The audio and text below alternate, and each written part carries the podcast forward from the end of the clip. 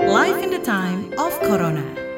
Sekarang kita perlu hadapi situasi ini bersama-sama, perlu kerjasama, perlu kolaborasi. Jadi yang perlu Bapak Ibu pikirkan adalah guru ini adalah partner kita yang perlu kita jalin terus komunikasinya dan kerjasamanya tentang apa yang terjadi di rumah. Life in the time of Corona. Halo, kamu sedang mendengarkan podcast Live in the Time of Corona podcast yang akan membantu kamu menavigasi hidup bersama dengan pandemi COVID-19. Ketemu lagi dengan saya Ines Nirmala di podcast ini yang tentu aja kita ngobrolinnya seputar masa pandemi. Pasti kita udah nggak asing dengan istilah sekolah daring atau belajar online. Di berbagai media memang banyak juga ya diberitain siswa-siswa yang mengalami kesulitan saat belajar online dan kemudian ada yang ngedrop ada juga yang masuk IGD, bahkan ada juga ya amit-amit deh ya sampai bunuh diri. Di episode kali ini kita akan dengar langsung curhatan mereka yang belajar online dan kita bahas bersama seorang psikolog klinis anak remaja dari JCDC yaitu Jakarta Child Development Center yaitu Mbak Veka Angge Pramita. Halo Mbak Veka. Halo Mbak Ines. Senang banget bisa ketemu Mbak Veka di episode podcast Live in the Time of Corona kali ini. Iya, sama-sama. Terima kasih. Nah, ngobrolin seputar masa pandemi, banyak hal yang berubah jadi ke ranah online ya, termasuk mm. pendidikan. Nah, mm. kali ini kita juga bakal ngebahas cerita dari teman-teman kita, teman-teman podcast Live in the Time of Corona yang akan dibahas langsung nih sama Mbak Veka ya. Dan cerita pertama nih ada dari seorang siswa namanya Bagas. Dia itu masih kelas 12 SMA di SMA Negeri dari Ponjong Gunung Kidul. Kita dengerin langsung okay. aja ya gimana ceritanya Bagas. Nama aku Adrianto Setiawan Bagas Setiawan, bisa dipanggil Bagas. Aku lahir di Jakarta, tapi pindah ke Gunung Kidul pas umur tahunan lah, tepatnya di Desa Ponjong. Aku sekarang kelas 12, terus lagi jalanin daring. Daring bagiku tuh cuma bikin stres, cuma ada beban hidup aja. Apalagi kalau guruku ngasih tugasnya tuh nggak kira-kira, cuma nambah-nambah tingkat stresan di hidupku tuh kayak nambah gitu loh. Apalagi kalau guruku ngasih tugas tuh gak masuk akal banget. Suruh bikin video presentasi tapi itu materinya tuh kita belum ngajarin sama sekali belum dijelasin. Jadi kalau kita buat video presentasi kita cuma nulis nulis nulis nulis terus kita presentasiin. Kita kan nggak ngerti kita cuma dapat nilai doang. Dapat pengalaman kita gimana? Kalau lewat online mah nggak nyambung apalagi lewat telepon guru terkadang ada sinyalnya jelek. Kalau nggak aku suka malu kalau mau tanya.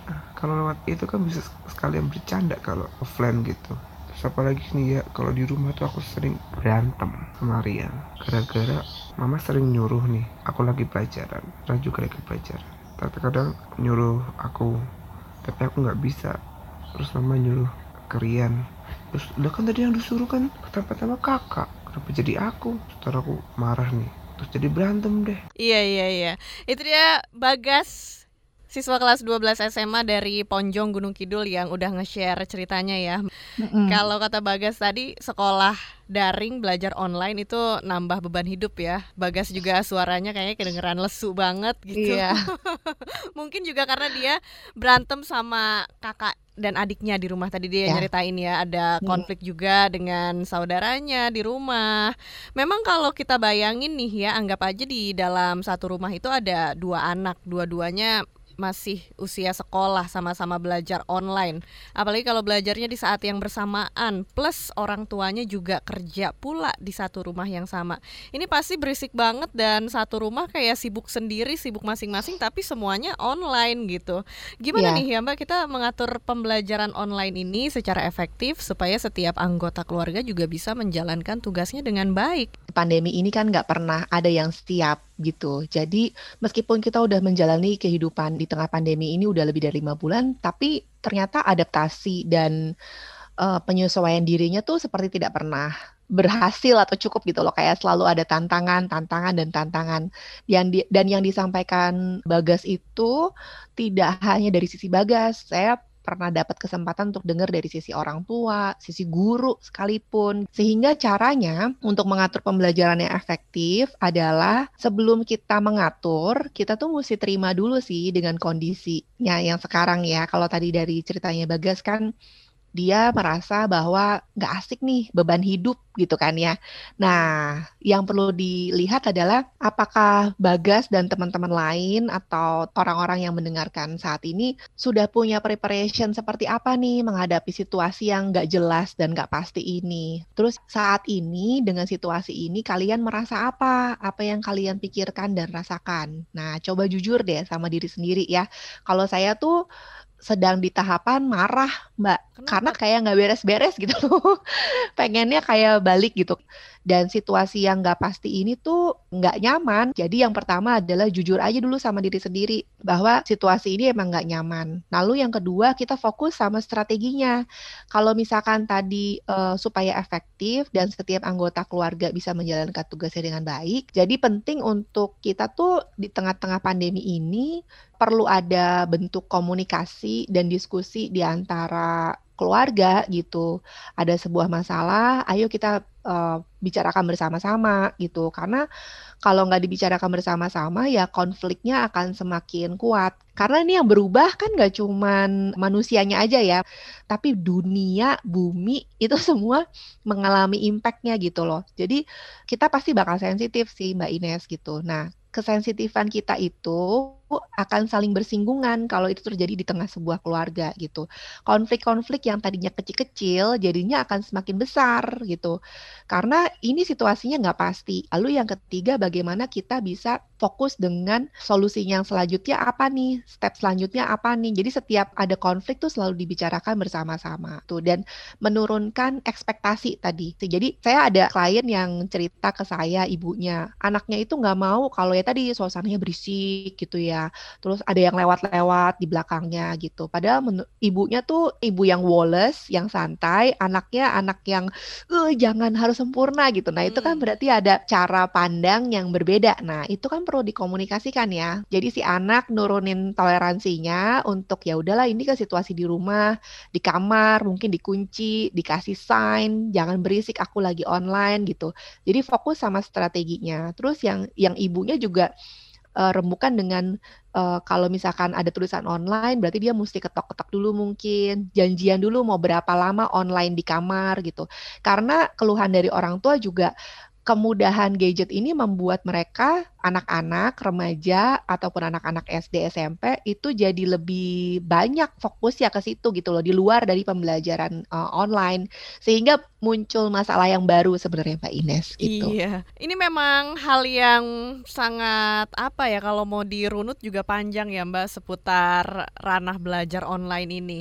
Dan nggak cuma Bagas, kita juga bakal ngedengerin pendapat dari teman podcast kita yang sekarang jadi seorang mahasiswa. Ini dia cerita dari Tiara, seorang mahasiswa kedokteran di Universitas Brawijaya. Halo, nama saya Tiara dari BSD. Kalau kuliah daring itu tuh kadang rasanya tuh nggak capek tapi capek gitu kayak kalau misalnya offline tuh kan kayak capeknya ya beneran capek gitu loh kayak bukan kayak tanpa sebab gitu sedangkan kalau online tuh kadang sebenarnya waktunya lebih luang kan sebenarnya. Dan kayak tingkat buat dengerin dosen jelasin tuh kayak nggak nggak se intens kalau offline sebenarnya. Cuman kadang tuh kayak capek banget itu rasanya. Entah kenapa apa karena emang nggak biasa atau misalkan emang nggak tahu emang dari jenuh atau apa gitu. Belajar daring tuh sebenarnya bikin kayak feelingnya tuh nano-nano gitu kayak capek tapi nggak capek jenuh tapi nggak jenuh. Rasanya tuh kayak kayak robot gitu pagi bangun di depan laptop sampai malam terus tidur terus pagi bangun lagi uh, di depan laptop lagi sampai malam tidur pagi bangun lagi.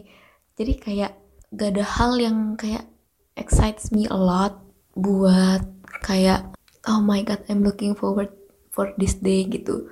Jadi gimana gitu caranya supaya nggak ngerasa capek yang nggak capek terus uh, jenuh yang nggak jenuh atau ngerasa seperti kayak kita tuh hidup di situ-situ aja gitu nggak nggak ada kemajuan nggak ada kemunduran stagnan nggak ada ya excitement lah gitu Iya. Gimana nih Mbak Veka? Yang disampaikan Tiara tadi itu memang sangat dipahami oleh semua kita yang Zoom dan Zoom fatigue itu adalah karena kita menghabiskan banyak waktu duduk dan ya udah online seperti ini gitu.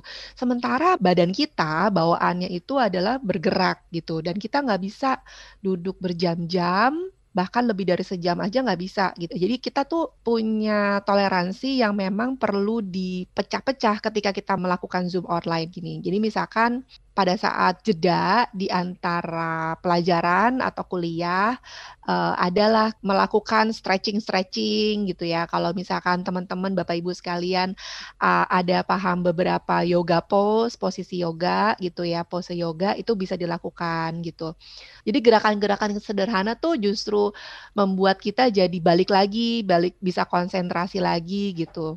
Nah, kalau saya uh, cara yang saya bisa lakukan sebenarnya cara ini tuh bisa dilakukan uh, pada saat kita online ataupun saat kita bertatap muka gitu ya. Ketemu sama orang pun kita butuh jeda loh, butuh break gitu ya.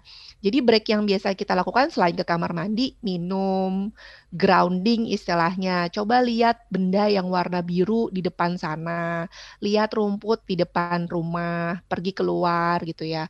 Nah, itu tuh membuat badan juga jadi lebih rileks. Kenapa? Karena memang otak dan badan kita itu berdasarkan uh, bagaimana caranya otak berkembang adalah memang perlu koneksi gitu loh. Jadi koneksi itu tuh hanya bisa kelihatan dari wajah gitu. Makanya kenapa kalau saya online saya perlu banyak memberikan ekspresi, perlu banyak memberikan gerakan karena saya ingin uh, orang yang saya ajak bicara tuh tune in terus sama saya gitu. Nah, tapi orang yang mendengarkan atau saya pun itu juga pasti ya memang akan lelah gitu. Makanya Zoom itu atau misalkan online yang terus-terusan itu tidak disarankan. Harus ada jeda gitu. Nah, itu cara yang mensiasatinya yang pertama. Mensiasati yang kedua adalah kalau misalkan online-nya itu di luar dari pembelajaran, eh, kita perlu pikirkan kembali online yang seperti apa yang perlu kita ikuti. Karena kan bisa-bisa hampir benar-benar 24 jam kita berhubungan dengan uh, gadget kita gitu. Nah, itu tuh kitanya juga punya self control yang memang perlu dikelola gitu ya sehingga tahu bahwa oh ini badan kita butuh istirahat nih gitu. Memang banyak terjadi juga ya kalau orang zoom seharian gitu. Padahal nggak ke mana-mana di rumah aja. Tapi ya. kok capek palanya berat gitu. Iya iya. Karena kita kan posisi nih gitu ya. Kalau oke okay, kalau mungkin kita pakai posisi kayak sekarang mungkin nggak eh, nggak uh, kelihatan. Tapi biasanya kita pakai meja. Jadi mejanya pun perlu sejajar. Kayak sekarang saya sejajar nih sama kameranya gitu. Biasanya mejanya lebih rendah. Jadi kalau kameranya sejajar otomatis uh, kepala saya juga nggak terlalu begini gitu ya. Mm-hmm. Karena itu kan juga lelah. Nih kayak posisinya Mbak Ines nih capek nih karena kameranya di atas iya, sebenarnya. Iya, iya. Nah, nah itu nggak boleh tuh gitu. Jadi memang posisi itu menentukan kita. Terus kayak tempat duduk juga kita harus pak cari tempat duduk yang tegak, yang posisinya memang uh, 90 derajat untuk bisa menopang. Tapi meskipun posisinya sangat uh, mendukung itu nggak bisa terus-terusan gitu. Kayak hmm. kaki, kaki itu perlu ada sandaran mbak di bawah. Jadi nggak boleh menggantung, nggak boleh cuman menapak tuh. Jadi harus ada bantalan bawahan gitu untuk bisa membuat kakinya jadi tertopang gitu. Oh. Tuh juga salah satu oh. tekniknya gitu. Iya, Tapi iya. itu juga nggak bisa terus-terusan karena memang badan kita tuh ya perlu bergerak. Makanya jangan lupa untuk tetap melakukan kegiatan-kegiatan kita bilangnya olahraga lah ya, motorik iya. gitu ya. Jadi jangan mager aja. Kalau kita ngedengar dengar dua pengalaman tadi dari Bagas dan Tiara, kita bisa ngelihat ya walaupun di level pendidikan yang berbeda, SMA dengan juga mahasiswa, uh, walaupun tingkat pendidikannya beda tapi tetap aja ada stresnya masing-masing.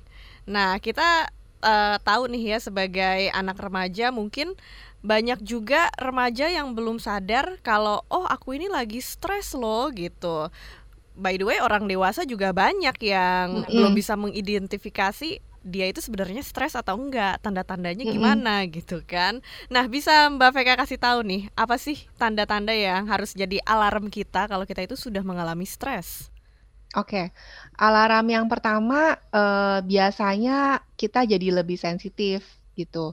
Sensitif bisa mudah marah gitu ya, eee, bisa juga ada tugas-tugas yang tidak terselesaikan itu juga bagian dari kita, eee, stres gitu. Jadi, eee, menunda-nunda pekerjaan itu juga bisa gitu.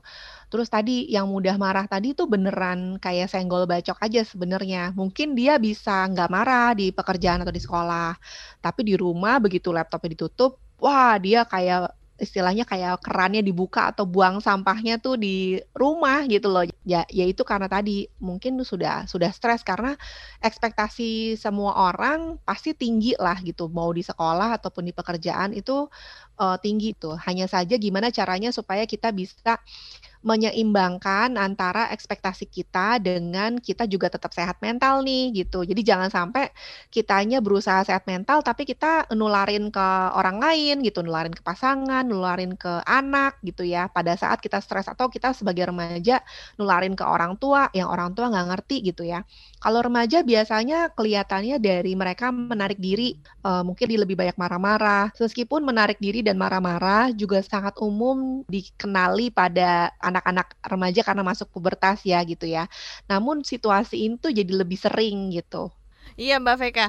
Nah memang, eee, banyaklah ya hal yang terjadi dalam belajar online dan nggak cuma dari sisi pelajar aja, nggak sisi nggak cuma dari sisi anak-anaknya aja, tapi juga dari sisi orang tuanya nih yang mengalami kerepotan mungkin karena orang tuanya sama anaknya kan berbeda generasi gitu ya. Mhm Yang mana orang tuanya masih belum terlalu akrab dengan hal-hal yang berbau digital misalnya gitu dan ada banyak hal yang akhirnya menimbulkan keruwetan dari sisi orang tua. Nah, kalau tadi udah kita dengerin dari sisi anaknya, peserta didiknya, sekarang dari sisi orang tuanya gimana? Ini dia ada cerita dari Mbak Dewi. Halo, saya Dewi dari eh, Depok. Mau cerita soal sekolah daring. Awalnya anak-anak mm, seneng karena harus belajar dari rumah, jadi bisa lebih santai, bisa lebih santai. Tapi lama-kelamaan setelah beberapa bulan anak-anak jadi stres, terutama kalau ada guru yang eh, memberikan penjelasan, kemudian memberikan tugas-tugas yang seharusnya anak-anak eh, face to face bisa tahu eh, ketika dia nggak tahu dia bisa bertanya bu yang ini atau pak yang ini bagaimana? gitu.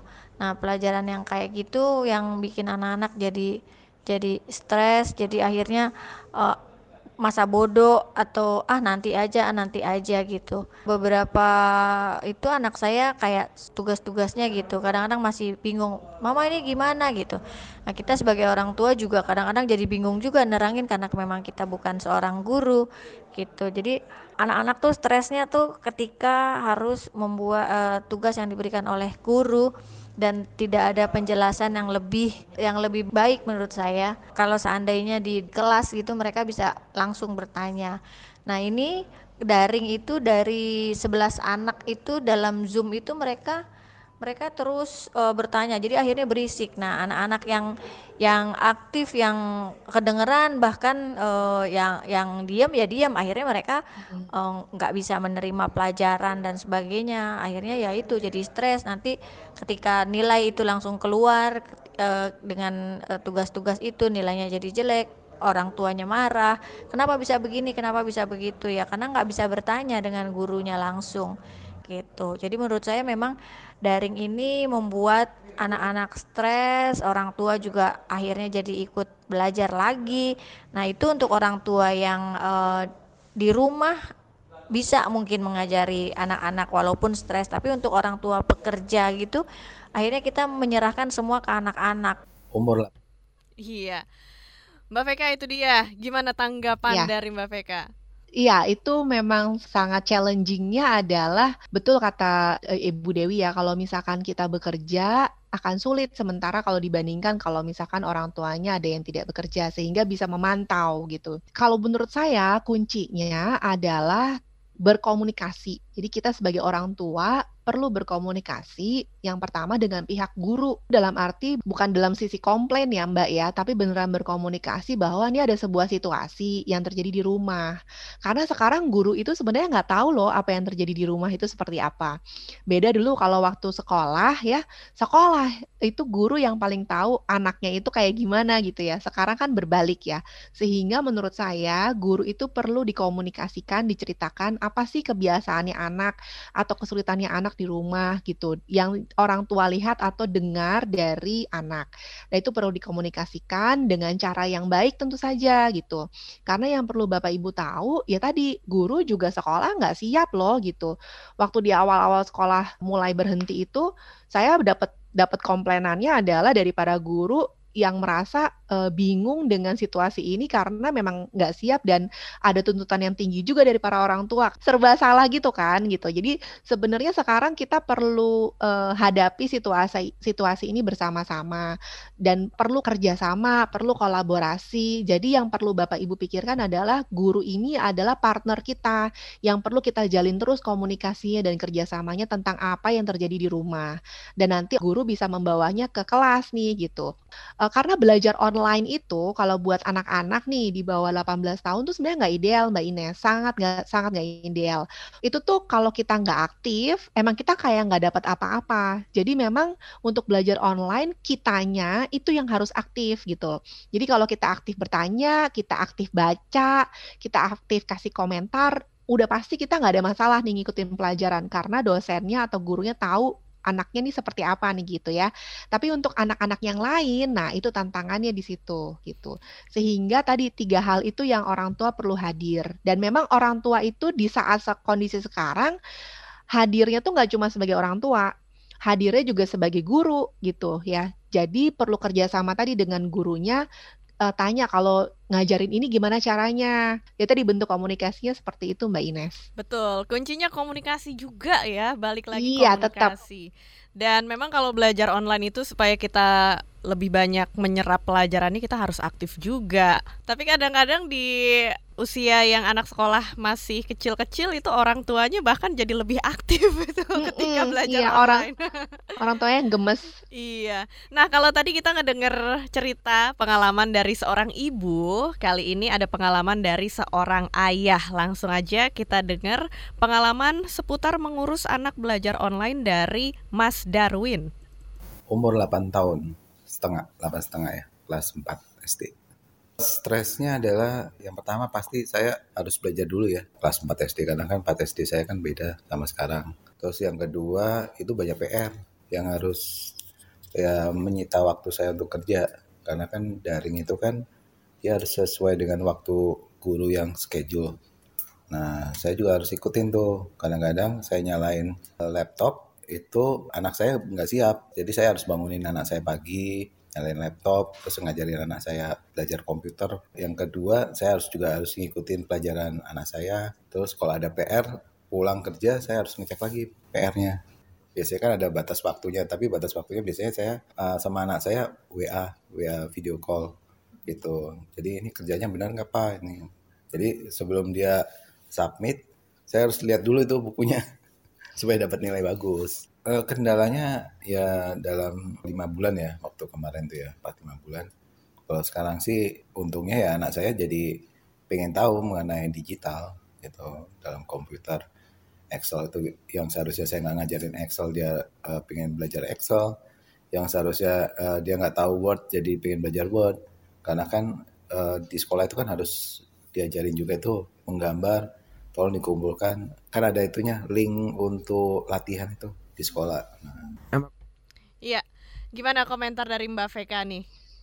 Iya iya, uh, itu tuh cara yang Pak Darwin lakukan udah, uh, sangat baik ya, artinya ada ada manajemen waktu yang dia lakukan sehingga bisa memantau anaknya.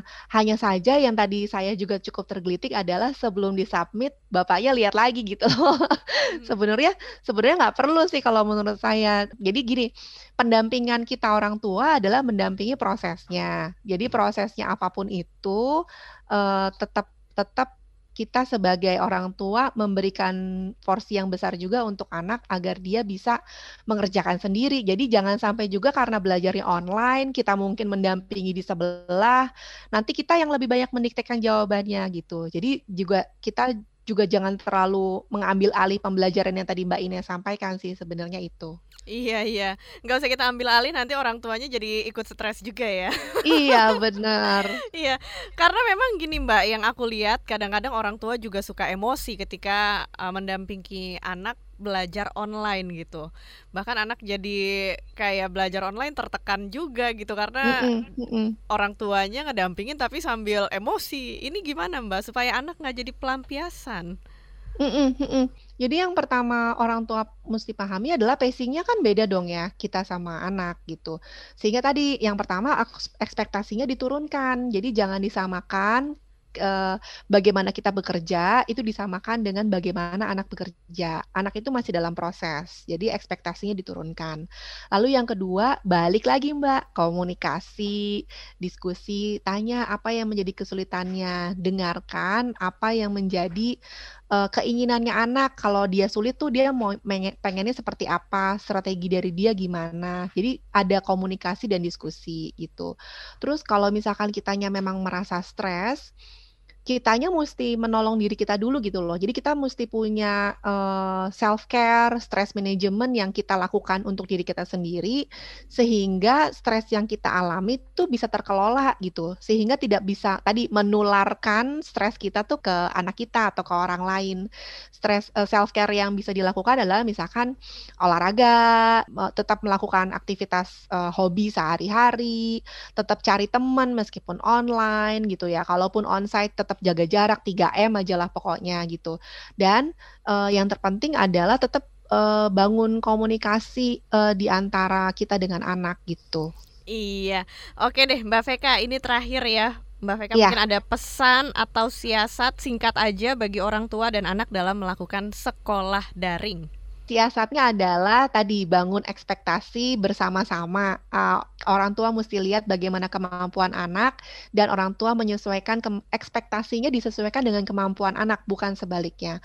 Lalu yang kedua, komunikasi. Balik lagi tentang komunikasi. Komunikasi dengan anak, komunikasi dengan guru, ya. Lalu yang ketiga, semuanya harus punya self care nih gitu. Jadi orang tua juga punya self care-nya sendiri, anak juga diajarin cara dia mengelola emosinya gitu ya. Dan tetap saling bekerja sama berkolaborasi. Itu aja Mbak Ines. Iya, thank you banget. Mbak Veka udah ngobrol-ngobrol di podcast Live in the Time of Corona. Iya sama-sama. Iya, mudah-mudahan yang ngedengerin podcast ini jadi terbebas dari segala macam pusing dalam sekolah daring ini ya. Saya juga ucapkan terima kasih buat kamu yang sudah mendengarkan podcast Live in the Time of Corona. Untuk ide dan masukan, silahkan email ke podcast at kbrprime.id. Tulis di bagian subjek podcast Corona. Jangan lupa ikuti juga podcast yang cocok untuk curious mind kamu di www.kbrprime.id atau platform mendengarkan podcast lainnya. Ikuti juga kita di Instagram kbr.id dan sampai jumpa di episode selanjutnya. Bye! Life in the time of Corona.